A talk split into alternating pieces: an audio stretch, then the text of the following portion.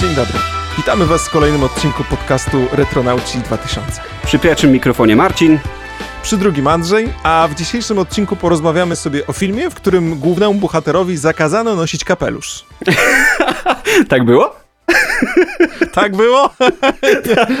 Zwróciłeś uwagę, że to jest taki typowy film noir, ale właściwie główny bohater nie nosi kapelusza? E, tak, rzeczywiście. Znaczy zwróciłem uwagę, jak mi teraz to powiedziałeś. No bo to jest, wiesz, taki typowy film detektywistyczny. W ogóle Amerykanie kręcili swojego czasu, wiesz, nawet lata 50., 60., 40., no kurczę, oni nawalili takich filmów noir, e, gdzie główny bohater był takim typowym detektywem w płaszczu. No to tutaj Descartes jest w ogóle takim samym detektywem w płaszczu ale zawsze tamci detektywi mieli kapelusz, a ten nie ma. W ogóle właśnie, myślę, że może warto powiedzieć, że dzisiaj porozmawiamy sobie o filmie Blade Runner. E, filmy Blade Runner z 82 roku, czyli o pierwszej, pierwszej części Blade Runnera. Natomiast jeżeli ktoś z Was jest z nami po raz pierwszy, to Retronauci 2000 to podcast, w którym rozmawiamy o przeróżnych dziełach szeroko pojętej popkultury, które powstały przed rokiem 2000. Sami wychowaliśmy się w latach 80. i 90. i wiele produkcji powstałych w tamtych czasach uważamy za kultowe. Dlatego chcieliśmy się z Wami nimi podzielić. A dzisiaj, tak jak już wspominałem, zaczniemy od Blade Runnera i teraz mamy taką sytuację, że ja, no, dla mnie to był film mojego dzieciństwa, natomiast e, Marcin właściwie e, nadrobił go dosłownie wczoraj. Pierwszy raz. Mieliśmy w sumie taką, mieliśmy mieć taką umowę, że nie oglądamy rzeczy na bieżąco, nie przypominamy sobie na bieżąco, no ale Marcin wcześniej Blade Runnera nie widział, dlatego oglądał go dopiero teraz. No i teraz powiedz mi w ogóle, jak takie pierwsze odczucia po obejrzeniu filmu? No ja ci powiem, że ja żałuję bardzo, że ja tego Blade Runnera nie oglądałem jak byłem młodszy, dlatego że podejrzewam, żebym się zakochał w tym filmie. Gdzieś tam ominęło, ominął mnie ten, ten, ten, ten film i w sumie aż mnie to dziwi. Aczkolwiek wiesz skąd kojarzę sceny niektóre z Blade Runnera? Dlatego, że na Kanal Plus chyba kiedyś leciał Kinomaniak. Był chyba kiedyś taki program, czy to na Kanal Plus leciało, czy gdzieś i w czołówce była ta scena, jak jak, jak, jak ten cyborg taki w postaci kobiety, android właściwie w postaci kobiety e, robił te swoje salta i złapał głowę e, tego naszego głównego detektywa nogami, tak udami ścisnął i tam mu wykręcał. Pamiętam, że to było w czołówce tego programu się zastanawiałem, z jakiego to jest kurczę filmu tak się zastanawiałem, tak sobie myślałem, że to musi być spoko, ale nigdy nie, nie wiedziałem, że to jest Blade Runnera i dowiedziałem się w sumie e, kilkanaście lat później, właśnie wczoraj wieczorem. I no i cóż, i nie żałuję, nie żałuję, że poświęciłem ten wczorajszy wieczór na, na, na, na ten film, zwłaszcza, że sobie go obejrzałem na spokojnie na Netflixie, była to wersja reżyserska, ja nie wiem, czy to w ogóle coś zmienia. Tak, zmienia. O tym właściwie za chwilę porozmawiamy sobie, bo to no dosyć dużo zmienia. Blade Runner w ogóle jest tym filmem, który, do którego e, reżyser wracał wielokrotnie, właściwie wielokrotnie. No, miał kilka podejść i te wersje w ogóle różniły się nawet, potrafiły różnić się zakończeniem. Także to ci wyjaśnię wszystko później, ale w ogóle zanim może przejdziemy faktycznie też do omawiania, bo myślę, że część osób, które z nami dzisiaj jest, mogły tego oryginalnego Blade Runnera nie oglądać. I tutaj myślę, że warto wspomnieć w ogóle o czym ten film jest, a jest generalnie rzecz biorąc o jednej z możliwych wersji naszej przyszłości i to takiej, która nie do końca jest przyszłością, o czym może też e, za chwilę, bo tak jak wspomniałeś zresztą, no film rozgrywa się w rok temu teoretycznie. tak, dokładnie. Właśnie to mi zdziwiło, jak się film zaczynał i akcja się dzieje w 2019 i wiesz, poczułem się cholernie staro, nie? Że, że film o przyszłości, a to już było. Ta przyszłość no, już była. Tak. no można się poczuć staro, nie? Szczególnie, że w ogóle wiesz, no to jest film, e, który powstał w roku, w którym ja się urodziłem, więc... No tak.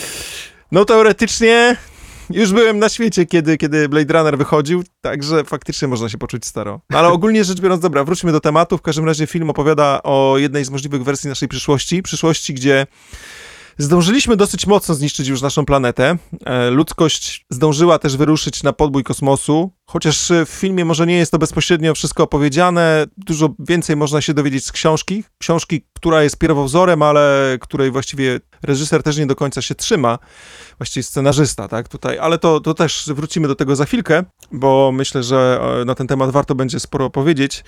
Natomiast Głównym problemem poruszanym w filmie jest kwestia androidów, które zostały mm, zaprojektowane, stworzone po to, żeby towarzyszyć ludzkości w e, podróży w kosmosie i w ogóle, no nie tylko, w, podejrzewam, że w kolonizacji planet. Natomiast e, androidy są swojego rodzaju niewolnikami, można byłoby powiedzieć, mm, o ile można w ogóle o maszynie myśleć w ten sposób. I tutaj androidy w pewnym momencie uciekają swoim e, właścicielom, przylatują na ziemię. W jakim celu tutaj na razie to nie będziemy tego poruszać, dlatego że nie jest to istotne na ten moment i nie jest to istotne właściwie przede wszystkim dla osób, które chciałyby Blade Runnera obejrzeć, a jeszcze go nie oglądały, dlatego postaramy się pewnych spoilerów tutaj e, nie sprzedać, chociaż tak jak już wcześniej wspominaliśmy kiedyś przy poprzednim odcinku, ciężko jest nie sprzedać spoilerów na temat filmów, które istnieją już w ogóle ponad, e, no, Blade Runner ma prawie 40 lat, więc chociażby z memów, czy tak jak wspominałeś o czołówce innego programu, gdzieś na pewno ktoś coś musiał widzieć. Natomiast e, pytanie, czy Android jest bardziej zaawansowaną formą odkurzacza, czy to już jest forma życia, to jest y, pytanie, które stawia w ogóle bardzo wiele y, filmów i seriali science fiction. Nomen omen, y, chociażby Star Trek Next Generation też, też bardzo mocno stawiał na tego typu rozmyślenia. No ale tutaj mamy do czynienia z czterema androidami, które się buntują, przylatują na Ziemię, a na Ziemi z kolei są ścigane przez służby specjalne zajmujące się wyłapywaniem właśnie zbiegłych androidów. No i teraz, skoro jesteśmy przy pytaniu właśnie czy jest to bardziej forma inteligentnego tostera, czy jest to bardziej forma już sztucznej inteligencji, którą można powiedzieć, że jest to niemalże człowiek, który ma swoje prawa? Marcin, ty jesteś na bieżąco po filmie, jak byś odebrał to? Wiesz co, yy, ogólnie nie wiedziałem, że, że, że film będzie się właściwie obracał wokół takich właśnie pytań, o jakich wspomniałeś, e, wokół takich problemów, czy to jest jeszcze dokładnie, czy to jest toster, bo przecież to wszystko wygląda jak człowiek, on ma swoje wspomnienia, yy, właściwie dla, dla zwykłego śmiertelnika, kogoś z naszych czasów, taka osoba byłaby nie, odru, nie do odróżnienia yy, od, od, od zwykłego mm, człowieka, ten android. No i cóż, powiem ci, że grałem niedawno w taką grę, u kumpla właściwie ją widziałem, ponieważ nie, nie, nie posiadam PlayStation 4, tylko PC-ta.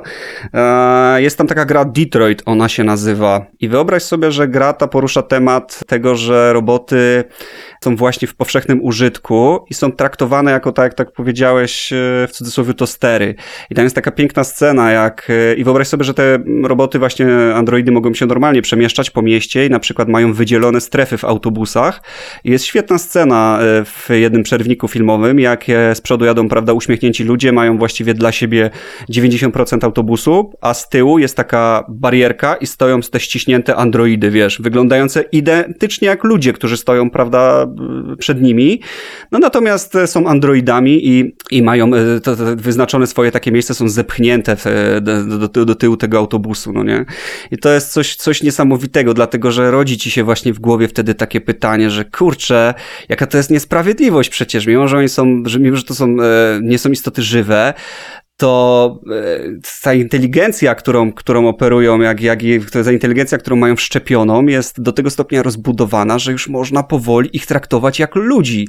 Więc zaczynasz się zastanawiać, czy to zepchnięcie ich na, na, na tył autobusu i wyznaczenie tej malutkiej strefy, to nie jest coś, co, co jest jakimś po prostu robieniem im krzywdy i dokładnie podobne odczucia miałem oglądając e, wczoraj e, właśnie Blade Runnera. Z jednej strony to jest tak jak mówisz, to były jakieś e, androidy do kolonizacji planet, a to były na przykład roboty, mm, które przypominały mężczyzn, które na przykład potrafiły podnieść 200 kilo, oni tam dźwigali jakieś wielkie płyty chyba, czy, czy jakieś przy wydobyciu czegoś, nie pamiętam już jakiego surowca, faktycznie ta siła była wymagana, aby przenieść ten cały wagonik z tym urobkiem, czy coś takiego. Tak więc były właśnie wykorzystywane do czystej pracy, no ale z drugiej strony zaczynały mieć odczucia ludzkie i rodziło się takie pytanie, że gdzie jest ta granica, gdzie jest ta granica między człowiekiem, a, a wiesz, a tą sztuczną inteligencją, która no rozbudowała się aż do tego stopnia, że ta granica zaczyna zanikać. Tak, no właśnie powiem ci szczerze, że pierwszy serial, w którym zetknąłem się tak dosyć mocno z tym tematem, e, no to był na pewno Star Trek Next Generation, gdzie e, właściwie przez cały serial na dobrą sprawę ten temat był poruszany. Nawet w tej chwili mamy bezpośrednią kontynuację, bo wyszedł Star Trek Picard, gdzie mamy kontynuację właściwie historii, można by powiedzieć właśnie z Next Generation i mamy również powrót do tematu Dejty.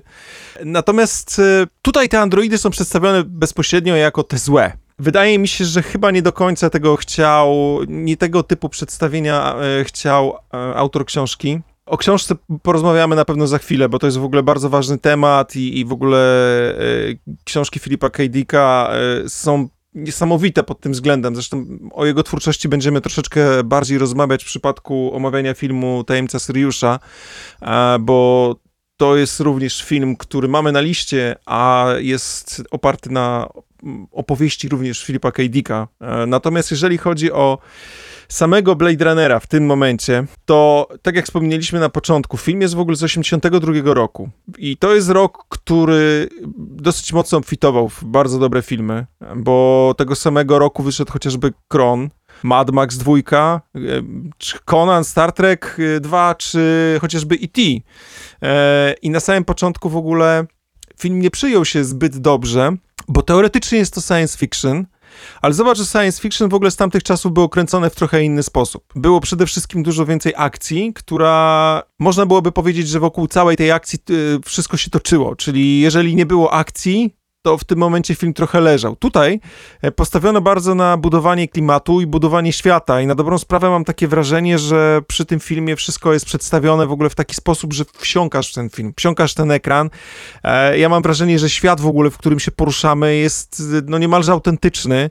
Tutaj myślę, że zaraz w ogóle porozmawiamy o wzorcach, bo e, w ogóle można mówić o wzorcach w jedną i w drugą stronę, bo mam wrażenie, że pewnymi rzeczami e, sugerowali się twórcy Blade Runnera, a z kolei w tej chwili mam wrażenie, że całe współczesne science fiction sięga bardzo, bardzo mocno, gęsto naprawdę, garściami całymi sięga po rzeczy z Blade Runnera e, i świat w jakiś sposób jest przedstawiony w Blade Runnerze.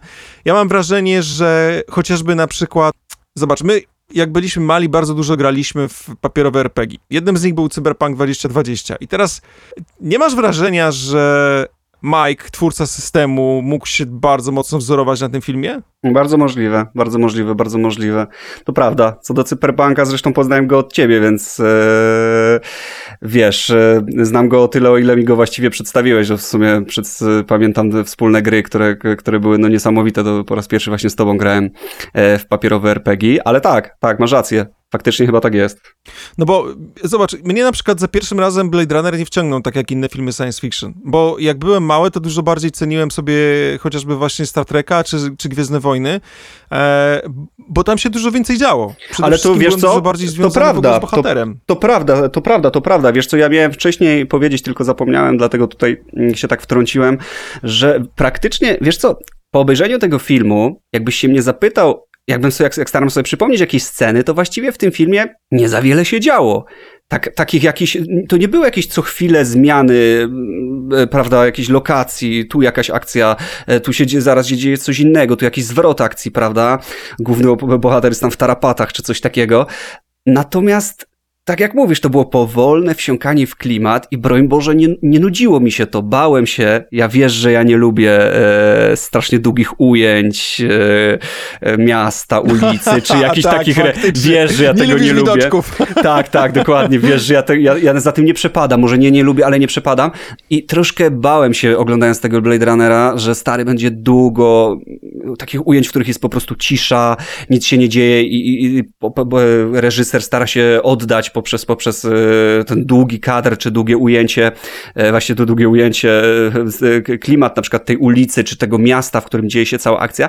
I co najśmieszniejsze, naprawdę, tu, tu się właściwie w tym filmie, no, no niewiele było jakichś zwrotów akcji, nie, niewiele można by powiedzieć, no nie wiem, czy określenie niewiele się działo, to jest, jest trafne określenie, ale autentycznie jakoś te dwie godziny bez sześciu minut zleciały mi w moment. Film się obejrzało świetnie nie wiem, czy to zasługa reżysera, czy książka jest tak fantastyczna, niestety jej nie czytałem, ale, ale wsiąkasz, wsiąkasz, wsiąkasz, chociaż nie ma tej klasycznej akcji, nie ma tej wojny, który, do której jesteśmy teraz przy, przy, przyzwyczajeni na ekranach i faktycznie, faktycznie muszę się z tobą zgodzić, że jest to zupełnie poprowadzone w inny sposób.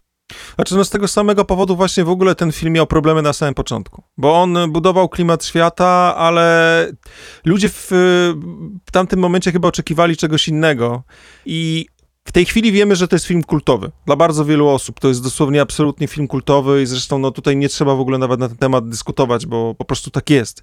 Natomiast y, wtedy ten film miał problem i teraz y, najlepsze jest to, że ten sam problem powtórzył Blade Runner 2048, który wyszedł, Boże, rok czy dwa lata temu.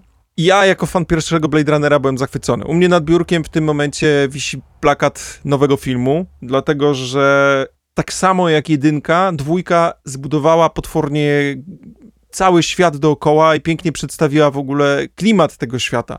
Natomiast tak samo kiepsko mam wrażenie, że ten film się przyjął, bo on nie zarobił jakichś niesamowitych pieniędzy, nie był niesamowicie dobrze odebrany przez y, ludzi. Ludzie wychodzili czasami z tego filmu, bo mieli wrażenie, że jest za długi. W ogóle nie wiem, ty chyba nie widziałeś nowego Blade Runnera też, prawda? Nie, ale słyszałem dokładnie takie opinie, jak mówisz. E, od znajomych, którzy byli w kinie, to słyszałem właśnie opinię, że słuchaj, no nuda, nuda, jeszcze raz nuda. Tam się nic nie działo. No, no, bo film jest bardzo rozwleczony. On pokazuje bardzo dużo elementów takich, które budują świat i przede wszystkim coraz bardziej wsiąkają również w, tą, w to rozważanie, bo główny bohater tym razem jest androidem w ogóle w nowym e, Blade Runnerze i tutaj myślę, że to nie będzie żaden spoiler, bo właściwie dowiadujemy się o tym na samym początku. Natomiast przez poznawanie jego osobowości mamy wrażenie, że jest bardziej ludzki niż niektórzy ludzie, którzy po drodze pojawiają się w trakcie tego filmu. E, I jedynka już w tym momencie zadawała nam to pytanie, e, czy android, czy robot może być właściwie człowiekiem.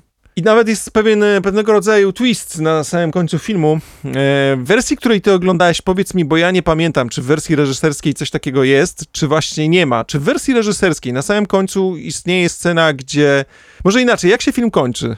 To będzie dosyć ale to już mocny spoiler. Ale to już ale... będzie spoiler, ale to już będzie tak, dosyć mocny to już spoiler. będzie spoiler, ale powiedz mi, czy, może inaczej, czy, czy jest tam scena, gdzie widzisz jednorożca latającego po polu, że tak powiem, czy nie? E, było coś takiego, było coś takiego. E, ogólnie, mm, no trudno, jeżeli ktoś e, najwyżej przewincie najbliższe 20 sekund, kończy się tak, iż Android do, do, do, do finalnej walce, której dochodzi... Czekaj, czekaj, czekaj, czekaj, to, to, to faktycznie będzie mega spoiler. No Chodzi dlatego, dlatego nie wiem, czy, czy, czy dobrym jest, abym to powiedział, natomiast pojawia się nie, motyw Nie, nie, tego nie mów, bardziej mi chodzi tylko i wyłącznie o, wiesz co, o właśnie kwestię tego jednorożca. Dlaczego? Bo e, chodzi o to, że film był przemontowywany kilka razy i miał różne zakończenia i co więcej w ogóle był zmontowany w taki sposób, że w pewnym momencie, kojarzysz jak filmy noir swojego czasu miały komentarz głównego bohatera, który mówił, siedzę w biurze.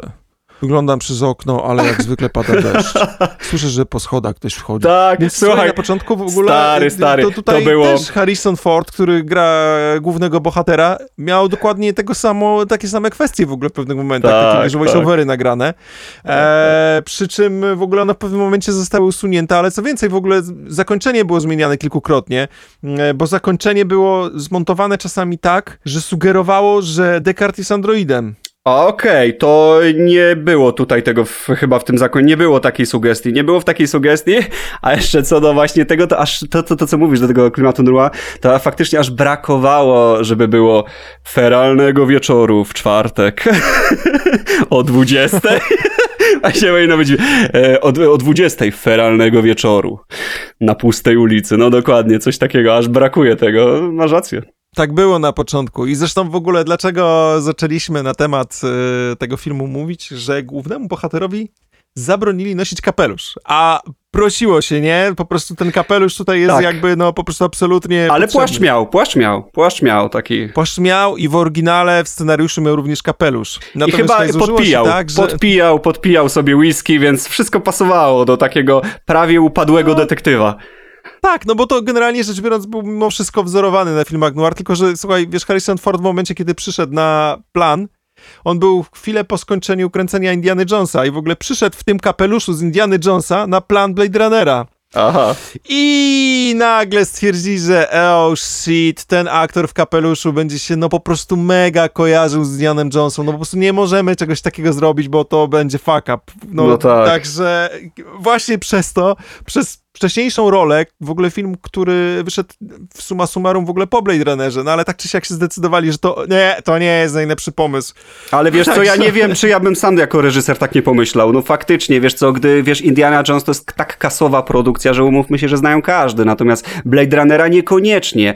I faktycznie, gdybym chciał, żeby mój film się naprawdę przebił i, i wiesz, i gość przyszedł, do, no jak, jak dosłownie breloczek do kluczy, nic tylko zrobić mu zdjęcie i jest marką, e, po prostu Indiana Jonesa, no z tym razem z tym kapeluszem, to faktycznie też bym powiedział, słuchaj stary, ściągnij ten kapelusz, bo nie kręcimy tu Indiany Jonesa.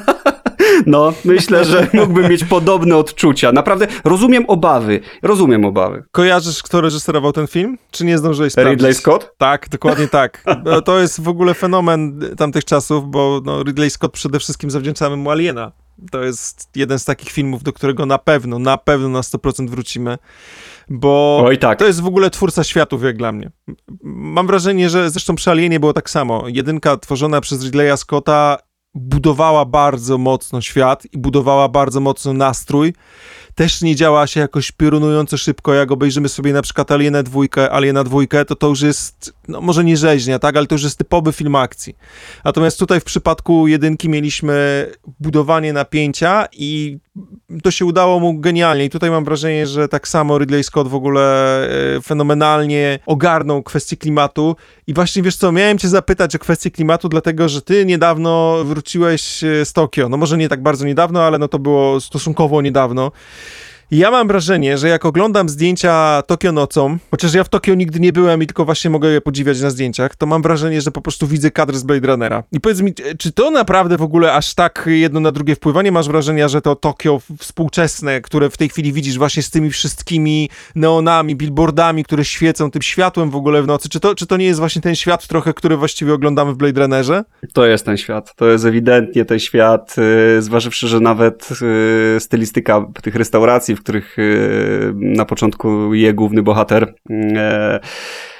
Jakieś tam zdanie, nie zwróciłem akurat na nie uwagę, mm, natomiast jest to taka typowa, e, jak są rameny uliczne, na których, e, gdzie jest bar jakby wystawione na ulicę, masz takie e, siedzonka, jesz właściwie, no bo właściwie bar kojarzy nam się z czymś, co jest pod zadaszeniem, prawda, no takie siedzonka barowe dookoła pojedyncze, czy tam krzesła plus bar, no to raczej, raczej to jest jakaś, jakaś restauracja lub klub, do której się wchodzi, natomiast w Japonii jest dużo czegoś takiego na ulicy i faktycznie ludzie jedzą sobie przy, przy barze, przy, na takich właśnie stołeczkach na ulicy i dokładnie nawet główny bohater w, e, na początku w, w, takiej, w takiej knajpce, takim przybytku e, spożywa swój posiłek e, i to, to, to, co mówisz, to kolorystyka, no nawet pod jednym ze zdjęć, prawda, z e, Tokio, z Shinjuku, to była chyba dzielnica, e, skomentowałeś mi, że wygląda jak klatka z, Blade Runnera. I szczerze ci powiem, że nie za bardzo wiedziałem e, o co ci wtedy chodzi, natomiast po wczorajszym, e, wczorajszej premierze tutaj, jaką sobie zafundowałem,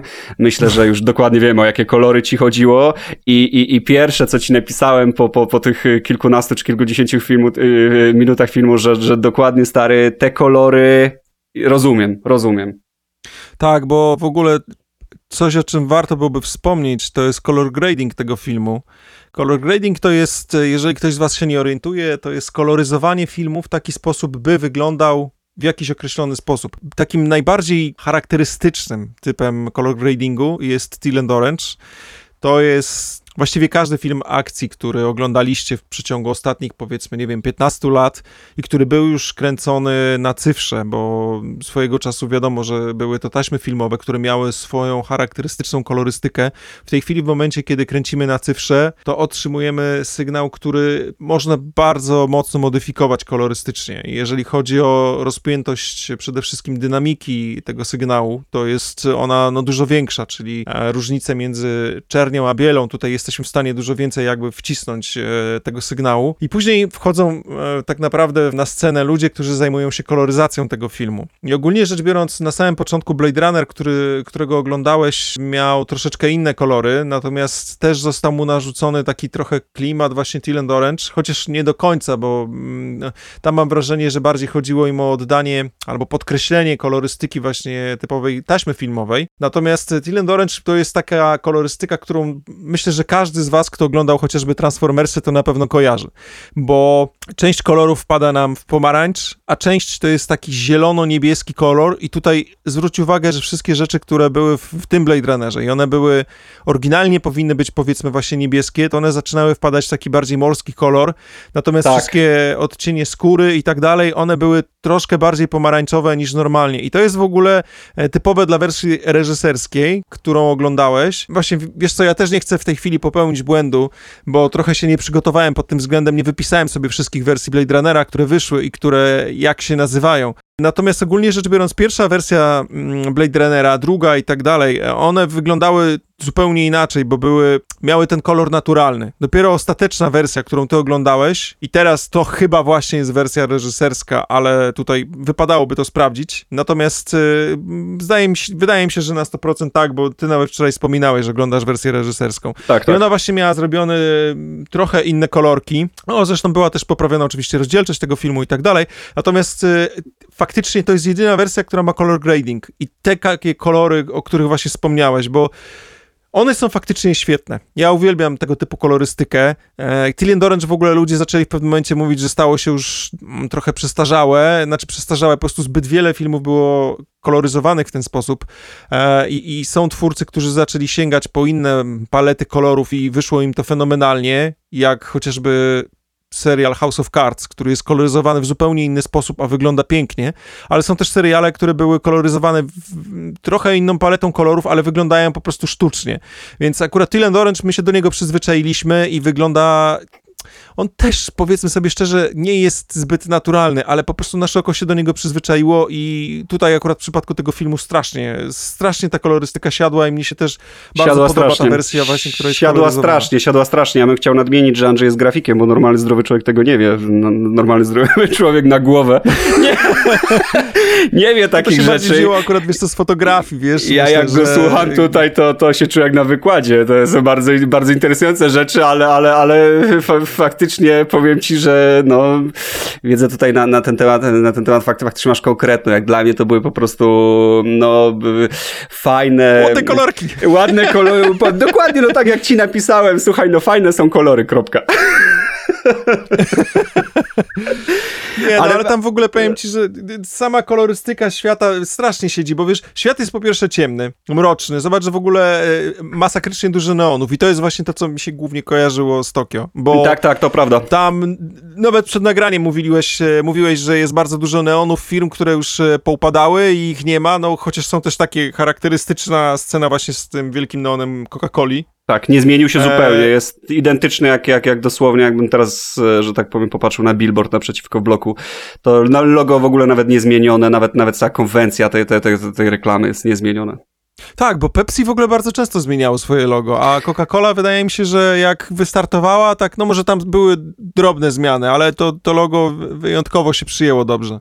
Tak, tak, tak, to prawda, to prawda. No to myślę, że to logo jest najbardziej rozpo, rozpoznawalnym chyba logiem na świecie. Ja tam jeszcze widziałem, jak już o tym wspomniałeś, Atari, chyba Fuji, e, co tam jeszcze było i to najśmieszniejsze, że mm, oni chyba mieli takie przekonanie, że te firmy będą e, ogromnymi w przyszło, przyszłościowymi markami i że pewnie będą wiele znaczyć w, w tym 2019, czyli rok temu.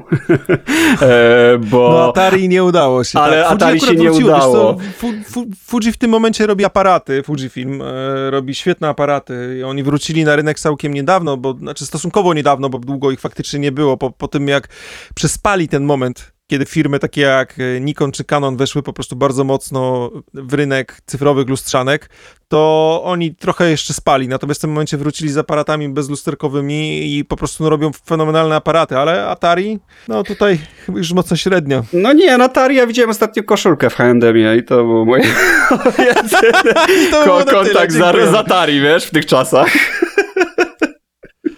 Nie, no Atari oczywiście jeszcze trochę działa, ale, ale to już nie jest, nie, nie jest producent komputerów, tak jak wtedy nie jest to taki gigant, bo właściwie w tamtych czasach, no to można byłoby powiedzieć, że on się mógł brać za łby na dobrą sprawę, z, znaczy wiesz, no dużo marek padło, tak, Commodore też na dobrą sprawę już nie jest tym, co było. Z tamtych czasów, no to na pewno Apple przetrwał w takiej formie niezmienionej. No właśnie, miałem, miałem tutaj dodać, że miałem, miałem powiedzieć, że właśnie jeśli, jeśli chcieli dać taką firmę, która, e, znaczy jeśli chcieli, no łatwo jest mi mówić z perspektywy gościa, który, wiesz, dożył tych czasów i w sumie wszystko wie, bo, bo wystarczy właściwie, no, włączyć telewizor, żeby się tego wszystkiego zobaczyć, jakie firmy są, czy tam internet i to sprawdzić.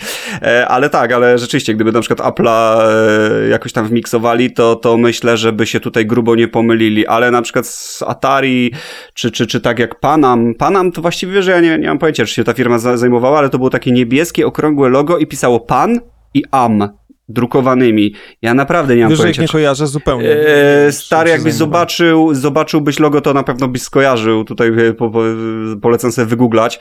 E, Sam sobie chętnie wygooglam e, i zobaczę, co to jest. W sumie pewnie powinienem to zrobić przed nagrywaniem odcinka tutaj, ale bardzo mi przykro. Nie sprawdziłem tego. Ta firma ta jednak nie istnieje. To, to, to jestem pewny, bo no albo się nie przestała po prostu reklamować, po prostu stwierdziła, że reklama nie jest dla nich, a to chyba niemożliwe.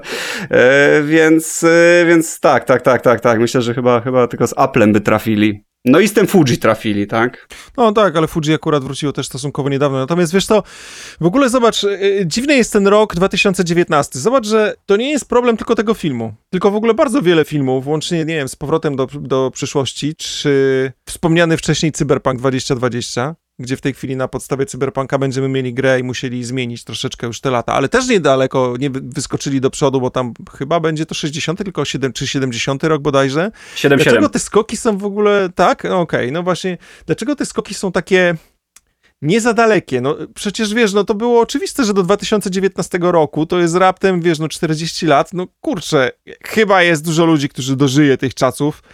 I wydaje mi się, że naprawdę ciężko jest nam przewidzieć, jak będzie wyglądała przyszłość. Znaczy, w tej chwili akurat ten cały postęp technologiczny trochę wyhamował, bo faktycznie w tamtych czasach postęp technologiczny w ogóle to, to był boom. Nawet jeszcze w latach 90. oglądaliśmy niesamowity boom, jeżeli chodzi o rozwój komputerów. W tamtym momencie, jeżeli kupiłeś komputer w, nie wiem, powiedzmy w 95 roku i miałeś zajebi... potężną maszynę, to w 96 roku już generalnie rzecz biorąc troszeczkę zaczynał być takim mocniejszym kalkulatorem, a w 97 no to już raczej myślałeś o kupnie czegoś zupełnie innego. Więc e, kurczę, zastanawiam się w ogóle czemu twórcy w ten sposób sięgali po takie, po takie wczesne, wiesz, no, po takie daty typu właśnie 2019, za 40 lat. A- Ale to prawda, to prawda, to prawda. Ja ci powiem, że teraz już nawet nie zauważysz, czy grasz tam na ITTech 5 silniku, czy grasz na ITTech 6, ponieważ to są silniki, które są, wyglądają rewelacyjnie i jeden i drugi. Natomiast pamiętam, że mój pierwszy komputer, yy, który tam w 90, nie wiem, naprawdę trzecim to chyba było, czy drugim, miał 2 mega ramu. Ja mam te kości do, do dzisiaj w domu. To jest kość normalnej rozmiarowa i tam jest 2 mega ramu. Natomiast już następny miał tego ramu 200 i to nie było, i to były chyba 4 lata później, 5 lat później, nie już, przepraszam, że rzucam tu jakimiś takimi datami z głowy, ale pamiętam, że to, że to było bardzo niewiele, natomiast no, no cóż, no ja wiem, że teraz te ilości rosną, to, to, ta, ta prędkość mm, procesorów jest zwiększana, yy, czy, czy, czy po pojemność dysków w zastraszającym tempie, natomiast i tak to już cię nas nie dziwi, no cóż, no czy masz 100 giga, czy, czy tak, masz 150 giga, no wiecie, to nie jest przeskok z mega do giga, no prawda, to, to już jest... Znaczy, nie sądzę, żeby procesor, który mam w moim laptopie, w którym w tej chwili, wiesz, e, nagrywam się tutaj, to nie sądzę, żeby ten procesor ogarnął takiego Androida, powiem ci szczerze, jakoś nie widzę tego, bo on mógłby, może, może mógłby zrobić mi kanapkę, ale to by było chyba na tyle, tak mi się wydaje, z takich, wiesz, autonomicznych rzeczy w pełni. Zresztą ciekawe, ile musiałbym mieć RAMu. Generalnie jakbym miał do takiego Androida w tej chwili wpakować RAM w takiej wielkości, jaki mamy, chociaż i tak RAM się rozwinął potężnie od tamtych czasów, no to ale myślę, że żeby ten Android działał płynnie i się nie zawieszał jak na przykład Windows 95, to ja myślę, że on by musiał chodzić z takim plecakiem wyładowanym kościami RAMu. Po prostu, wiesz, musiałby... Tak, no, Ale i widzisz- Tak to sobie wyobrażam na ten moment. Ale kiedyś to było, tak, ja, to, tak, jak, tak jak ja to powiedziałem, no kiedyś to było, wiesz, no kiedyś na dwumegowej kości czy czteromego, nie, sorry, tam było 4 kilobajty, jak lecieli na, na, na e, misję Apollo 13, to miał 4 kilobajty, miał statek e, ramu, e, czy tam kość była ramowa. Dzisiaj e, 4-gigowa kość jest zmęczona zakładką Chroma, nie? No właśnie, tak, wiesz co, ja nie jestem programistą. Tutaj ty byś był w stanie wypowiedzieć się dużo więcej na ten temat. Ja mam trochę wrażenie, że wiesz, jeżeli ja uruchamiam jakiś naprawdę prosty program w tych czasach, no to już jest bardzo daleka dygresja, ale no jesteśmy powiedzmy przy Androidach, więc jeszcze jakiś tam strzał prosty jest. I jeżeli uruchamiam jakiś stosunkowo prosty program na komputerze, który załóżmy ma 8 GB RAMu i te 8 GB to jest dla niego za mało, gdzie kiedyś potężne gry, naprawdę świetnie wyglądające gry potrafiły zajmować 1 giga, to w tej chwili taką w ogóle grę to byłbym w stanie sobie całą wczytać w pamięć, nie? Dosłownie. Ja znalazłem Prawda. kiedyś taką kartkę, z którą spisywaliśmy z kumplem w liceum. E, I na tej kartce wymyślaliśmy sobie nasz komputer marzeń. Taki dosłownie, wiesz, no wymarzoną, potężną maszynę, nie wiadomo jaką. Przyznam szczerze, że ja nie pamiętam, ile ja wtedy mogłem mieć ramów w komputerze, natomiast e, na tej kartce marzeń bo znalazłem ją w ogóle po dłuższym czasie, napisaliśmy, że chcielibyśmy mieć komputer, który ma 2 GB RAMu. I to wiesz, to nie było na takiej zasadzie, że o, chciałbym sobie kupić 2 GB RAMu, bo wtedy na przykład były, nie wiem, 512, nie? Tylko to 2 giga to się wydawało w ogóle taką ilością, że ja właśnie pamiętam, że kumpel wtedy powiedział, stary, wczytałbym całego Quake'a do do RAMu. Prawda, rozumiem. Kurde. No dobrze, myślę, że wróćmy trochę do filmu, bo się, bo się rozpędziłem. W, w każdym razie, wracając może do, do samego świata, ja mam wrażenie, że Tokio faktycznie, bo tutaj przy tym Tokio byliśmy, mogło być e, trochę wzorcem, bo ono chyba w tamtych czasach już mniej więcej w ten sposób wyglądało. Mm, może nie aż tak bardzo, ale te wszystkie reklamy, neony, to jest coś, co mnie w tej chwili przeszkadza u nas w mieście, chociaż my akurat nie mamy w tej chwili neonów. Neony trochę umarły, one się kojarzą faktycznie bardziej z latami 80. i 90. A szkoda, bo kolorowe miasto oświetlone neonami wyglądało naprawdę pięknie. Ja jeszcze pamiętam, jak e, u nas w mieście mm, był wielki, wielki neon, olbrzymi na, na centralu. Ja jestem akurat z Łodzi e, i na centralu był olbrzymi neon, który świecił na niebiesko i na czerwono. To po prostu naprawdę nadawało to miastu pewien specyficzny klimat. W tej chwili już właściwie neonów się nie widuje w ogóle, właściwie widzimy tylko i wyłącznie billboardy. To, to chyba trochę inaczej jest w Tokio, prawda? Bo tam chyba jeszcze neony istnieją jako takie. Tak, tak, tam jest właściwie wszystko oświetlone, każdy właściwie róg. Powiem ci tak, no na przykład w takich dzielnicach centralnych jak Shibuya, jak Shinjuku, to praktycznie nie spotkasz budynku, który nie byłby oświetlony, który nie, miał, nie, miał, nie miałby na przykład za, zarysowanych, e, no wiesz, to nie są jakieś bardzo skomplikowane oświetlenia, wystarczy, że po prostu na cały budynek, e, wszędzie gdzie, gdzie on ma rogi, jeżeli tak sobie wyobrazimy, że on jest takim cubem, prawda, sześcianem, to załóżmy, że każdy z tych, tych, tych, tych ścian, tego właściwie nie ścian, tylko, tylko tych rogów e, tworzących go jest, jest podświetlony. Czyli masz taki obrys, masz obrys całego tego budynku. No i już, już wystarczy coś takiego. No oczywiście to jest, e, to jest tylko taka, taka drobna rzecz, natomiast to, to bardzo wiele zmienia i, i no mam, mam faktycznie zdjęcia, no, które też, też gdzieś tam mam, czy na Instagramie sobie, wrzuciłem, czy, czy sam sobie do nich często wracam, że pa, faktycznie patrzę się na nie i, i nie jestem w stanie w to uwierzyć i pokazuję na przykład y, komuś, jak, jak się pyta, czy Tokio jest oświetlone, to, to pokazuję i mówię, to słuchaj, znajdź mi tutaj budynek, na którym się coś nie świeci. Na, naprawdę i to jest, nie, nie, ma takiej, nie ma takiej możliwości. Jest to miasto świateł i tym bardziej jest to dla nas dziwne, bo wiesz, wychowaliśmy się w czasach, no może nie, my się nie wychowaliśmy w jakiejś tam komunie, natomiast ja do dzisiaj mam w szafce taką tabliczkę, e, którą skądś zaiwaniłem. Mam nadzieję, że nie będę za to ścigany. Chyba już takie tabliczki nie mają wartości. To jest jakaś tabliczka z jakiegoś zakładu zniszczonego, na którym pisze pamiętaj, wyłącz zbędne oświetlenie. No kiedy u nas się gasiło światło, bo kraj nie wyrabiał, prawda, były problemy energetyczne, to tam się wszystko rozświetlało. To było zupełnie inne podejście, więc no, no, mnie to osobiście fascynuje, że, że teraz dopiero faktycznie się wraca do oświetlania miasta nocą i, i już nikt o tym nie myśli, że ten prąd jest, kurczę, że powinniśmy oszczędzać czy coś, no ale, ale no patrząc na historię ostatnich lat naszego kraju, czy tam no może nie ostatnich, ale tam roku 90 i w dół, no to raczej u nas byliśmy w ciemnej D. No, byliśmy w ciemnej D. I to dosłownie. Mamy, mamy kompletnie inaczej przedstawione miasto, które e, przede wszystkim w ogóle jest bardzo mocno zniszczone, bo całe szczęście nasza, nasza rzeczywistość aż tak źle nie wygląda, bo teoretycznie Teoretycznie trzymając się scenariusza filmu, no to powinniśmy już być w ciężkiej dupie i na dobrą sprawę planeta powinna kończyć się, że tak powiem, dosyć mocno. I dlatego szukamy sobie innych światów, gdzie moglibyśmy trochę przeżyć. To było trochę mocniej określone w książce, do której za chwilkę jeszcze wrócimy, natomiast w ogóle ja się zastanawiam, jak ciężko było ogarnąć w tamtych czasach, czy ciężej jest teraz, czy ciężej było wtedy ogarnąć efekty wizualne, bo wtedy nie było komputerów, którymi można byłoby to pociągnąć. W tej chwili z kolei e, mamy potężne maszyny i wtedy panowie się męczyli ze stworzeniem makiet. Nie wiem, czy wiesz, jakby tworzone było całe to miasto, bo całe to miasto właściwie, w którym przelatujesz tą kamerą, tam są takie piękne, charakterystyczne otwarcie na samym początku tego filmu, kiedy przelatujesz przez całe miasto i ta kamera skręca, trochę się przekręca i widzisz wszystkie te budynki i widzisz je bardzo dokładnie. To to Mhm. były stare makiety, które oni wybudowali całą makietę i po prostu prowadzili między nią kamerę. Tak, tak, tak. Czy chcesz, jednym słowem chcesz powiedzieć, że to zostało właściwie stworzone podobnie jak Star Wars, tak? Bo tym ja się dowiedziałem całkiem niedawno, że wszystkie pojazdy w Star Wars, czy tam tak cała Gwiazda Śmierci, czy bo to ja nie jestem akurat tutaj z geekiem Star Wars, muszę się przyznać, aczkolwiek bardzo lubię serię, ale nie znam się strasznie na tej serii, to całkiem niedawno, bo chyba tam dwa lata temu, no czyli stosunkowo niedawno dowiedziałem się, że to właśnie były makiety, co, co mnie no, zaszokowało właściwie. No tak, no w ogóle wiesz co, ja widziałem jak budowali ten, mm, to, to całe miasto, to znaczy oczywiście no jakieś materiały takie, które pokazują, jak to było realizowane, no to powiem ci szczerze, że to robi niesamowite wrażenie.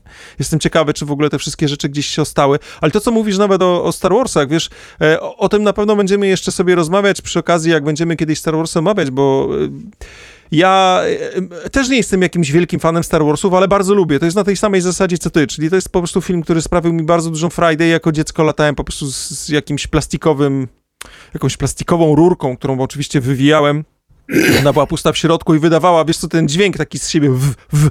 jak ruszasz taką rurką szybko, to na W życiu wiesz, bym na to nie? nie wpadł, w życiu bym na to nie wpadł, ale to prawda. No to ja teraz... latałem jako dzieciak, tak, no, i po prostu, wiesz, że miałem autentycznie, ona dobra, może nie świeciła, nie, ale przynajmniej wydawała ten dźwięk po prostu, była taka trochę, wiesz, przezroczysta, biała, więc ja miałem w ogóle niemalże miecz świetlny, no i po prostu wychowałem się na, wiesz, na takich e, rzeczach science fiction, ale to, co mi się podobało przede wszystkim w ogóle starych Gwiezdnych Wojnach, to to, że ten świat jest y, podstarzony trochę, bo później jak powstały części 1, 2, 3 i był moment zachłyśnięcia się technologią e, 3D, to po prostu to wszystko wyglądało no tak wymuskane, wycyckane i ja lubię akurat, wiesz, kiedy w filmach e, postarają się, żeby stworzyć właśnie swojego rodzaju dekoracje czy makijaż. Nie jest wszystko robione komputerem, bo komputer jest świetnym narzędziem. W ogóle ja doceniam pracę, tak jak mówiłem przed chwilą, e, w momencie, kiedy kiedyś pracowali potężnie nad stworzeniem tego makietu, w tej chwili ludzie pracują w ogóle ciężkie godziny nad tym, żeby stworzyć powiedzmy jakiś model 3D,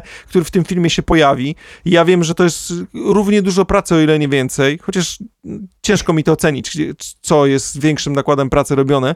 Natomiast mimo wszystko mam wrażenie, że jednak efekty komputerowe to nie jest to samo, tak? To nie jest to samo, kiedy mieliśmy prawdziwe wybuchy i kiedy na przykład było coś wysadzane, będziemy omawiać taki film Eksplozja, no to tam e, za jakiś czas oczywiście będziemy go omawiać, to tam na przykład doszło do takiej sytuacji, gdzie w momencie, kiedy e, nagrywali jakiś wybuch, to wyleciały okna w kilku budynkach, które, mieszkalnych, które były gdzieś tam w okolicy, więc po prostu to, to było to. No, oglądałeś ten film, miałeś wrażenie, że wow, nie? Zresztą, czy chociażby Blues Brothers, gdzie po prostu rozbito jakąś nieskończoną ilość samochodów i widziałeś, tak. że to nie są samochody, które są, wiesz, renderowane. Znaczy, a, no, a mistrz kierownicy ucieka, a mistrz kierownicy ucieka, tam ostatnia scena to chyba 60 aut wjeżdża w siebie, jedno po drugim z takiej rampy. Akurat pamiętam, bo jadłem ostatni obiad i leciało na, na, na Polsacie.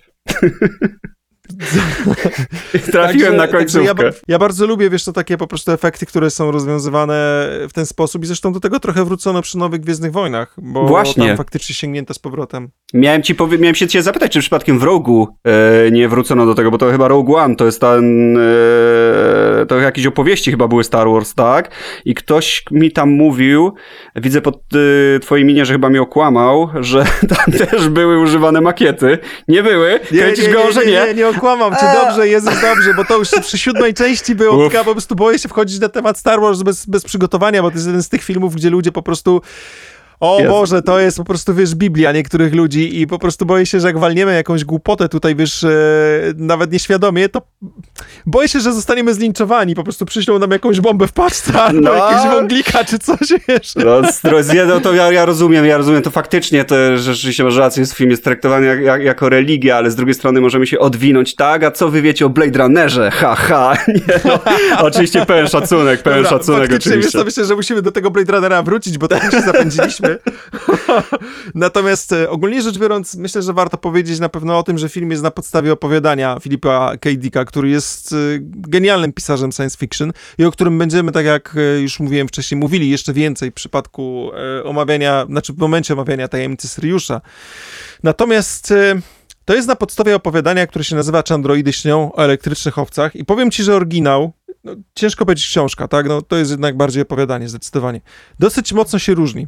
E, od filmu i film został zmodyfikowany, bo ten scenariusz też był modyfikowany kilkukrotnie, bo on tam miał najpierw pierwszą swoją wersję, gdzie oni nie do końca byli zadowoleni, potem został przebudowany po raz drugi, trzeci, aż w końcu jest, doszedł do tej formy, która jest w tej chwili, która jest takim powiedzmy sobie szczerze mm, trochę kompromisem między akcją której na przykład w książce jest zdecydowanie jeszcze mniej, bym powiedział. Zdecydowanie więcej jest przemyśleń, takich typowych właśnie przemyśleń tego, wiesz, detektywa, które bardzo dużo dzieje się u niego w głowie, a z kolei w filmie no musieli, musieli pokazać trochę więcej akcji.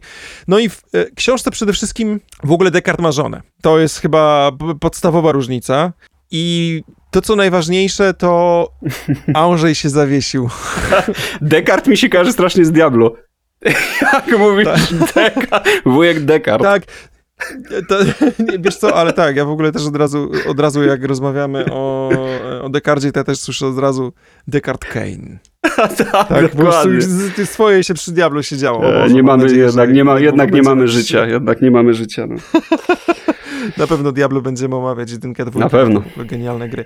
Okej, okay, ale wracając, e, wracając do tematu. Mm, Descartes ma żonę i w ogóle podstawowym zmartwieniem, które pojawia się w ciągu całej książki, to jest to, jakie zwierzątko będą mieli, bo w ogóle świat już jest do tego stopnia zniszczony, że nie ma zwierząt, takich wiesz, żywych zwierząt naturalnych, które by żyły dziko. To, co zostało, to są w ogóle zwierzęta hodowane po to, żeby ludzie mogli mieć je w domach i to się stało w ogóle swojego rodzaju zajobem dosłownie każdej osoby żyjącej, czyli każda osoba, która żyje, jedyne o czym myśli, to żeby, wiesz, tak jak w tej chwili mamy taki szpan, że na przykład ludzie kupują sobie, wiesz, nie wiem, markowe ciuchy z metkami na wierzchu i chodzą po prostu, że o Boże, tu jest y, taka marka, tu jest taka marka. E, Philip K. Dick przedstawił to troszeczkę inaczej, że tutaj właśnie ludzie myślą o o tych zwierzętach. Mm, trzymają je w różnych miejscach, czasami nawet widocznych, i ktoś na przykład trzyma elektroniczną owcę, znaczy elektroniczną, właśnie. Mm, Prawdziwą. To jest właśnie ten twist. E, ktoś trzyma prawdziwe zwierzęta, natomiast tych biednych, tą biedotę, którą po prostu nie stać na prawdziwe zwierzęta, oni kupują zwierzęta elektroniczne, które mają symulować prawdziwe, też wymagają opieki, natomiast no jesteś tym gorszym, tak, bo masz zwierzę elektroniczne i, i Descartes w momencie, kiedy poluje na androidy, on tutaj w tym momencie liczy sobie przez cały czas w głowie, że może dla żony będzie w stanie uzbierać na prawdziwe zwierzątko. Więc to jest po prostu, wiesz, coś niesamowitego, że tam każde żywe zwierzę, już nawet nie mówimy o psie czy kocie, bo to jest w ogóle, wiesz, mega luksus, tylko nawet pająk po prostu potrafi być jakimś, wiesz, czymś, co, co, to żywy prawda. pająk potrafi być takim, wiesz, wow, no nie? W ogóle książka jest super. Znaczy książka, opowiadanie jest super, ale tam jest jeszcze mniej akcji niż, e, niż w filmie. Natomiast wiesz co, e, ciekawostką jest to, że jest bardzo fajnie zrealizowany audiobook polski, który myślę, że mogę ci spokojnie polecić. Bo ja w ogóle bardzo lubię audiobooki. W tym momencie słucham bardzo dużo audiobooków, bo jeżeli, nie wiem, jadę samochodem czy pracuje w domu przy jakichś takich monotonnych rzeczach, chociażby, nie wiem, stary, zmywasz, tak, czy robisz pranie, e, to jesteś w stanie założyć słuchawki i posłuchać sobie fajnej książki, przenieść się myślami gdzie indziej. Ja uwielbiam audiobooki właśnie Oczywiście droga do pracy, jak najbardziej. Tak, no ja... W samochodzie. Przyznam ci się szczerze, że mam bardzo mało czasu na sięganie po papierowe książki. Trochę rozpaczam, bo bardzo dużo siedziałem swojego czasu z papierowymi książkami, bardzo dużo siedziałem z czasopismami. W tej chwili niestety coraz mniej. E, natomiast audiobooki bardzo lubię i tak książka jest e, zrealizowana w dosyć nietypowy sposób, e, bo ona jest, ona jest nagrana w technologii binauralnej. I ogólnie rzecz biorąc, co to oznacza? To jest swojego rodzaju 3D, można byłoby powiedzieć, jeżeli chodzi o dźwięk. Bo zobacz, że w, w tym momencie, jak się nagrywamy, to nagrywamy się na. Każdy z nas ma swój mikrofon. Natomiast jeżeli chcielibyśmy dobrze przedstawić przestrzeń, w której jesteśmy, a nie symulować ją za, za pomocą powiedzmy wtyczek, które symulują river pokoju, e, czyli odbicie właściwie tego dźwięku, e, to żeby to zrobić odpowiednio, trzeba byłoby zastosować dużo więcej mikrofonów, które po pierwsze zmierzą dokładnie akustykę danego pomieszczenia, e, a po drugie przede wszystkim my słuchamy lewym i prawym uchem. I tutaj to jest nagrywane trochę na takiej zasadzie, nie wiem czy oni czy oni również stosowali dokładnie taką, taką samą metodę. Natomiast normalnie, jeżeli chcemy nagrać coś w ten sposób, to stosujemy model głowy, coś co wygląda dosłownie jak głowa i mamy włożone mikrofony do prawego i lewego ucha. Znaczy no, włożone, no wiesz o co chodzi, nie? No tak. Natomiast one mają faktycznie zbierać dźwięk w taki sposób, w jaki naturalnie zbierają twoje uszy, czyli tam wszystko musi być odzorowane tak, żeby e, mikrofony teoretycznie były w miejscu, gdzie masz błonę, błonę bębenkową. I to słychać w, tej, e, w, tym, w tym audiobooku, natomiast nie mogę powiedzieć, że to jest zrealizowane w taki sposób, że mam wrażenie, że słyszę to po prostu wow, tak jakbym był tam na miejscu. Być może dlatego, że słuchałem to faktycznie w samochodzie, a nie na słuchawkach. E, chociaż testowałem też na słuchawkach, nie, nie, nie miałem jakiegoś efektu wow, ale fakt faktem brzmi to dużo lepiej niż e, nie jeden audiobook, bo przede wszystkim jest oczywiście podział na aktorów, którzy odgrywają wszystkie role. Akurat takich audiobooków już trochę mieliśmy mm, w Polsce, natomiast no ten jest wyjątkowo zrobiony jeszcze tak, że faktycznie masz wrażenie, że ten dźwięk jest dużo bardziej przestrzenny i tyle bym powiedział w sumie, że tak, że tam faktycznie czuć dużo bardziej przestrzenny dźwięk, e, ponieważ to jest opowiadanie, a nie książka, to jest oczywiście też dużo krótsze, więc wydaje mi się, że jeżeli będziesz miał czas, albo jeżeli ktoś z was będzie miał czas, to wydaje mi się, że po tego audiobooka na pewno warto sięgnąć, bo jest naprawdę świetnie zrealizowany i tutaj naprawdę czapki z głów dla Polaków, którzy, e, którzy zajęli się jego nagrywaniem. No. Także fajnie, fajnie, fajnie, bardzo fajnie, że to tak oddali, bo ja tu muszę też napomknąć, że Andrzej jest też e, dźwiękowcem, muzykiem. to jest w ogóle człowiek, Boże, człowiek renesansu. To jest w ogóle człowiek renesansu, on jest dokładnie, on jest grafikiem, on jest muzykiem. Co ja tu robię? Ja to właściwie musiał po prostu z kimś nagrywać, dlatego się zapytał Marcin, słuchaj. Ale wszystkie takie rzeczy to, to są, wiesz, to rzeczy artystyczne, które leżą obok siebie po prostu, wiesz, i po prostu jak w pewnym momencie zajmujesz się jedną, to z którymś następnym zleceniem nagle pada informacja, że he, właściwie można byłoby się zająć jeszcze tym. I masz takie, no niby można by było, patrzysz, wiesz, w portfel, tam zazwyczaj wylatuje taki po prostu taka ćma. I robisz tak, oczywiście, proszę pana, a już wiesz, że będziesz musiał się bardzo douczyć, ale mimo wszystko ci się udaje i no i tak się to kończy. No tak jest, no tak to tak zazwyczaj masz rację, tak to wygląda. A propos jeszcze tych robotów, y, to faktycznie, jak to mówiłeś, przypomniałem sobie taką scenę, że jest tancerka z wężem w pewnym momencie i, i, i rzeczywiście Descartes się pyta, czy ten wąż jest prawdziwy, a on mu, ona mówi, że chyba zgłupiałeś, inaczej nie musiałabym, prawda, jak, jakiegoś tańca erotycznego tutaj odstawiać w tej spelunie.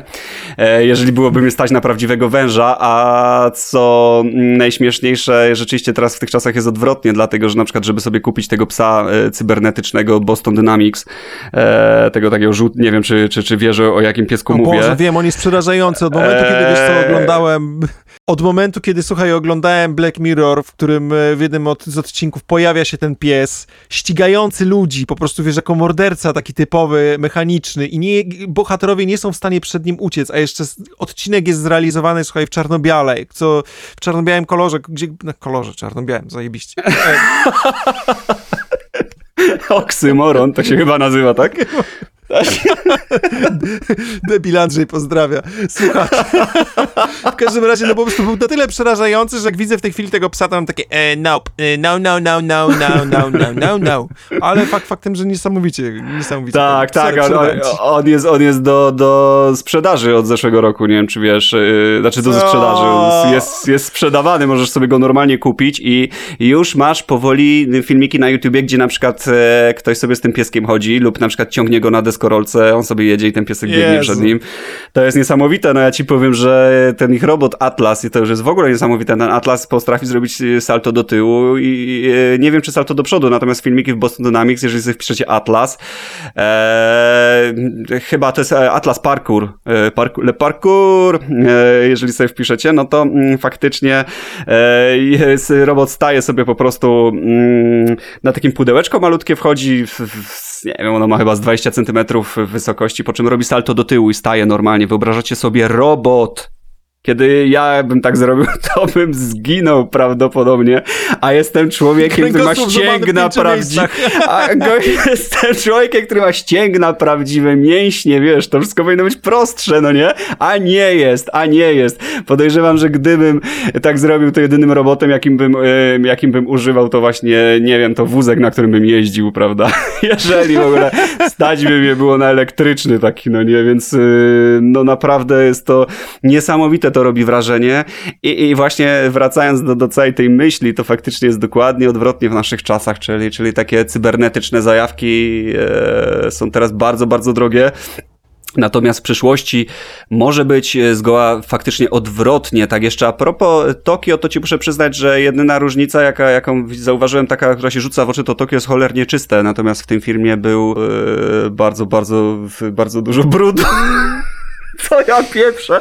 Stary, przypomina mi się twoje wzium cały czas. Boże, biedne polskie dzieci. Jaką myśmy mieli młodość kiedy, kiedy w Stanach mieli jakieś miecze pewnie takie już prawdziwe lightsabery, to, to chłodny chłopak z Łodzi robił bzium rurką do picia. Matko boska.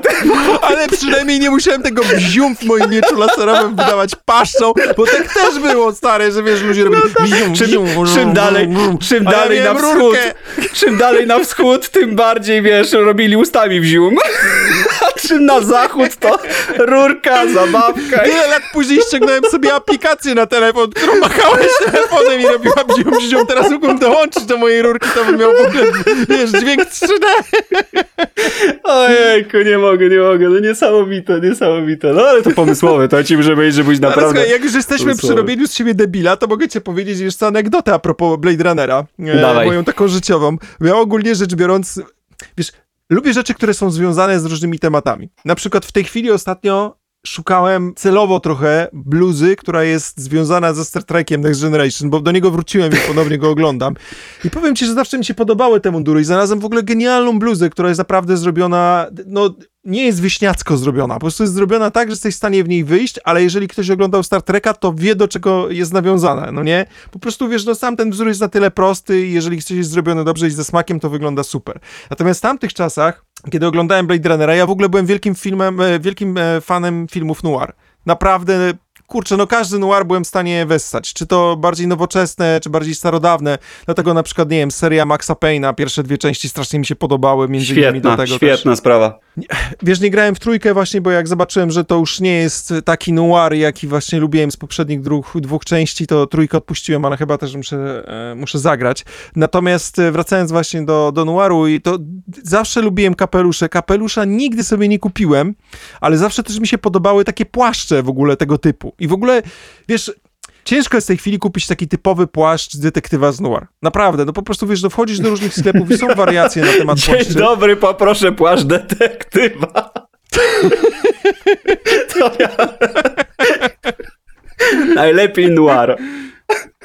No ale No i- powiem ci, Noir się pisze, proszę e, panią. Któregoś razu wszedłem do sklepu, kompletny przypadek. Oglądam rzeczy, bo, bo wiesz, ja bardzo rzadko robię zakupy. Po prostu dla mnie to jest takie traumatyczne przeżycie, że jak już wchodzę do sklepu, to jest tak, szukam spodni, jeb, drugi, jeden, drugi, trzeci, czwarty, piąty, po prostu wiesz, wchodzę, dobra, te, te są ok, wyglądają, y, byłem w każdym sklepie po 20 sekund, dobra, te biorę, wychodzę, nie? Dosłownie. I nagle teraz wyobraź sobie mnie, jak wchodzę do sklepu i w pewnym momencie, wiesz, widzę, wisi po prostu idealnie, jeszcze na, wiesz, na takim, wiesz, jakimś e, manekinie, więc widzisz, jak to jest, ten płaszcz, jaki jest wypchany, widzi idealnie po prostu, to jest ten płaszcz, to jest to, to jest ten płaszcz z Blade Runnera i po prostu w tym momencie Andrzej stoi na środku sklepu i robi tak, o, o! I widzę babkę, która po prostu patrzy na mnie jak na debila, a ja tak, o, o, o. Mniej więcej coś takiego. Po czym podchodzę do tego płaszcza, patrzę na metkę z ceną i robię tak, o, o. Powiem ci, że większego debila pod kątem w ogóle robienia jakichkolwiek zakupów, to zrobiłem z siebie tylko jeszcze raz chyba. E, jak kupowałem mojej narzeczonej w ogóle piżamę, która wyglądała jak jednorożec, bo e, ja nie, kompletnie nie ogarniam rozmiarów i pamiętam, że wtedy drugi raz z siebie zrobiłem kompletnie debila w sklepie, bo zmusiłem babkę, która tam sprzedawała w jakimś, to był taki normalnie, wiesz, no du- duży, duży jakiś markowy sklep, nie przypomnę sobie w tej chwili nazwy, ale zmusiłem babkę, żeby założyła tą piżamę, którąś sprzedawczynię złapałem, bo stary, ja nie znałem rozmiaru, po prostu nie miałem żadnego pojęcia, czy to będzie SK, MK, XSK, czy coś w ogóle, i one tam jeszcze jakieś miały dopiski, w ogóle, wiesz, numerki, czy coś, w ogóle jakieś cyferki, ja po prostu tego kompletnie nie ogarniałem. I złapałem jedną sprzedawczynię, które... Długość rogu, tak. Złapałem jedną sprzedawczynię, która wiedziałem, że w miarę pasuje, nie? I jeszcze byłem z kumplem i wcisnęliśmy ją w tego jednorożca i oboje staliśmy i tak, o tak... No, w y, klatce bardzo dobrze, na tyłku trochę y, jakby przymałe, nie? I w ogóle, wiesz, dwóch facetów ubrało sprzedawczynię w ogóle w kostium jednorożca i oceniają, nie? Tak, No, tak, tak. Tylko wtedy jeszcze drugi raz zrobiłem z siebie debila aż tak bardzo przy zakupach. No, ale mam ten płaszcz. Mam ten płaszcz z Blade Runnera. Kupiłeś sobie w końcu? O kurczę, no, widzisz, kupiłem ale... oczywiście. Znaczy, to, to nie jest sygnowany Blade Runnerem, no, ale po prostu, wiesz, ale kojarzył mi się z Blade Runnerem tak bardzo, że, że stwierdziłem, że muszę go mieć. I lubię takie rzeczy związane właśnie z serialami, filmami, żeby nie były zbyt nachalne, tak? Ale ja na przykład jak zakładam ten płaszcz, to, to trochę czuję się jak, wiesz, jak ten łowca androidów, więc je, jest coś takiego. Lubię wyjść wtedy w deszczową pogodę najlepiej, wiesz, kiedy jest taki jesienny mrok i mgła i po prostu wychodzę i mam od razu w głowie tak, wyszedłem z domu, Pewnie wziąłem dla... parasola. E, wiesz co, słuchaj, do, do, co do tego twojego płaszcza, to, to, to muszę ci przyznać, że yy, ja sobie przed wyjazdem do Japonii chciałem kupić, zresztą tak dalej chcę sobie kupić, no we, wrześniu już mamy, y, wiesz, no to jest właściwie kolejny pobyt w Tokio czeka mnie we wrześniu, chociaż mamy pandemię SARS-CoV, E, więc nie wiem, jak to będzie, chociaż niby od 1 czerwca mają ruszyć loty. E, na ja oczywiście tutaj klękam i stękam, żeby to wszystko i, i trzymam kciuki, żeby to po prostu wszystko ruszyło. E, więc bardzo możliwe sobie, że też kupię sobie taką kurtkę bohatera z gry Shenmue. Ona to była gra wydana e, na Dreamcast, taką konsolę. Pewnie nikt tego nie kojarzy, no trzeba mieć pewnie milion lat, żeby to kojarzyć. E, no i cóż, to, to jest taka e, skórzana, brązowa kurtka ze smokiem na plecach. to jest rzecz, którą autentycznie też chciałbym sobie kupić, bo przypomina mi dokładnie taką serialową kurtkę i mało tego, wiem, że w Star Treku, nie w Star Treku, przepraszam, tylko w Star Warsach, E, oni mieli czasami takie kurtki pikowane, to pikowanie było takie, mm, to były takie pasy poziome, e, takie bardzo gęste i jest mhm. taka żółta kurtka, jest żółta kurtka, e, trochę jak Luka właśnie Skywalkera wygląda, autentycznie też chciałem ją sobie kupić, niestety jest w chorej, koszmarnie cenie, no dlatego zba zbastowałem, mm, to może też pójdę w płaszcz albo coś. Dobra, skoro już skończyliśmy kącik ubraniowy, to przejdziemy do muzyki. przejdziemy do muzyki już myślę na koniec, e, bo Blade Runner ma... To jest kolejny film z genialnym soundtrackiem. Ogólnie rzecz biorąc mam wrażenie, że chyba dużo filmów z tamtego czasu, które będziemy omawiać, będę w ten sposób kwitował. No tutaj naprawdę popisał się Wangelis. To, to jest w ogóle soundtrack, który jest bardzo nietypowy, bo przyzwyczailiśmy się do soundtracków, które są typową orkiestrą symfoniczną z, z, pompą i wiesz, a tutaj jest to soundtrack kompletnie zrobiony elektronicznie. E, soundtrack, który w ogóle bardzo długo trzeba było poczekać, aż wreszcie wyjdzie na płycie, natomiast powiem ci, że to jest jedna z tych płyt, którą ja dosłownie non-stop słucham, e, szczególnie do pracy, bo to jest taka płyta, którą możesz puścić w tle i, i w ogóle ona w żaden sposób nie przeszkadza. Więc y, ja jestem zachwycony tym soundtrackiem i tutaj widać olbrzymią różnicę między tym, co zrobił Vangelis, a tym, co chociażby robi Hans Zimmer, który jest no w ogóle świetnym kompozytorem. Ja go uwielbiam. Wszystkie mm, soundtracki, które on robi w tej chwili, no chociażby, nie wiem, Incepcja, tak, czy, czy, czy zresztą, no tutaj można byłoby wymieniać nieskończoność na dobrą sprawę. E, są świetne, natomiast e, to właśnie Hansowi Zimmerowi powierzyli robienie muzyki do nowego Blade Runnera przyznam ci się szczerze, że nie rozumiem, dlaczego nie poprosili o to Wangelisa. Nie wiem, czy chodziło już o wiek jego, czy o jakiekolwiek inne tutaj rzeczy. Niestety tego soundtracku nie robił Wangelis, a jedynka, no po prostu soundtrack nie powalił. Dla mnie to jest absolutnie genialna muzyka, mimo że ja nie przepadam za muzyką elektroniczną i nigdy nie słuchałem tego typu konkretnie muzyki elektronicznej Wangelisa w tamtych czasach raczej uważałem za obciach, to w tej chwili do tego soundtracku wracam bardzo. Wielkich mistrz Hans Zimmer, mam wrażenie, że w przypadku nowego Blade Runnera e, nie udźwignął tematu tak dobrze, chociaż też zrobił muzykę, która jest bardzo inna niż to, co on do tej pory robił. I to jest muzyka, która też bardzo siedzi z tym filmem, to mam wrażenie, że mimo wszystko i mimo nawiązań do Wangelisa, które próbował wcisnąć, to tutaj chyba mu się jednak nie udało osiągnąć e, czegoś takiego, dlatego e, zwróćcie uwagę uwagę oglądając Blade Runnera, jeżeli jeszcze go nie oglądaliście, właśnie na muzykę, bo naprawdę warto. Dobrze, myślę, że jesteśmy przy końcówce. Przy końcówce, gdzie jeszcze warto wspomnieć, że była świetna gra przygodowa w ogóle, która w tej chwili jest remasterowana na podstawie Blade Runnera, więc niedługo będzie można w ogóle do Blade Runnera wrócić, do świata Blade Runnera wrócić, bo ta przygodówka była naprawdę niezła. To była przygodówka, która wyszła uhu, uhu, to był, nie wiem, 95, czwarty rok bodajże. Pamiętam, że y, nie przeszedłem jej całej, ale w tym momencie, jeżeli wyjdzie remaster, to na pewno po nią sięgnę. Myślałem, że powiesz, że pamiętam, że mi nie, nie, nie szła mi na kompie. nie, wiesz co, akurat gry przygodowe w tamtych czasach były robione w taki sposób, że one najczęściej miały, wiesz, jakieś rysowane albo renderowane tła i całkiem łatwo można było ogarnąć m, taką no tak. grę na komputerze, także chociażby, tak, nie tak, wiem, tak, Curse tak, Monkey tak. Island, ojej. Hand, Hand of Fate. Nie wiem, czy kojarzysz Hand of Fate, ale o, no to super. Tak.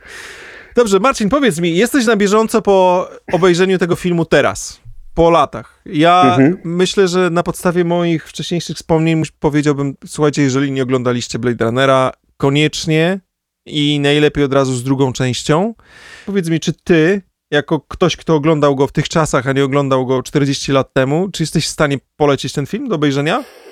Tak, myślę, że wcześniej już chyba o tym wspomniałem, że no moim zdaniem nie będziecie się nudzić. Oczywiście no każdy lubi, każdy ma swoją e, ulubioną kategorię filmów i, i, i nie każdy lubi klimat cyberpunka, ale jeśli ktoś lubi te klimaty i czuje się w nich dobrze i lubi oglądać mm, właśnie tego typu rzeczy, to tak, myślę, że nie będzie się nudził. I co do tego, co powiedziałeś, że ta druga część, najnowsza, e, została zrobiona też w takim właśnie klimacie, a mianowicie długich ujęć, e, właściwie jakiejś tam ciszy, czy, czy, czy takiego wsiąkania w, w, w ten film, to ja ci powiem, że miałem takie mm, przemyślenie oglądając ten film, że druga część powinna być taka. Ja, jako fan Blade Runnera, który oglądał takiego właśnie Blade Runnera, chciałbym takiego samego właśnie Blade Runnera w, w nowej odsłonie. Broń Boże, To, to, żeby się, nie robili... to, to wydaje mi się, że udało im się, jak Tak, najbardziej. broń Powiem Boże, ci, że żeby nie robili tego, wiesz, że broń Boże, żeby nie robili tego na mantrę XXI wieku, czyli oczywiście wmuszona akcja, prawda, przeskoki z auta na auto. Nie. Niech to będzie, ja naprawdę wymagałbym dokładnie tego samego klimatu. Ten klimat jest bardzo specyficzny, bardzo fajny, nie każdemu się spodoba, ale jeśli ktoś lubi dokładnie taki klimat, to chyba nic lepszego nie znajdzie. Okej. Myślę, że tutaj skończymy w takim razie dzisiejszy odcinek. I myślę, że już w tej chwili możemy powiedzieć, że na pewno znajdziecie nas na Spotify, na YouTubie oraz na iTunes, więc możecie nas szukać w tamtych miejscach. Na dzisiaj to wszystko. Widzimy się za tydzień, właściwie słyszymy się za tydzień. Dziękujemy Wam bardzo, że z nami wytrzymaliście i do usłyszenia w następnym odcinku. Wziom. O ty mendo, wiedziałem, że to zrobisz. O ty mendo, wredny.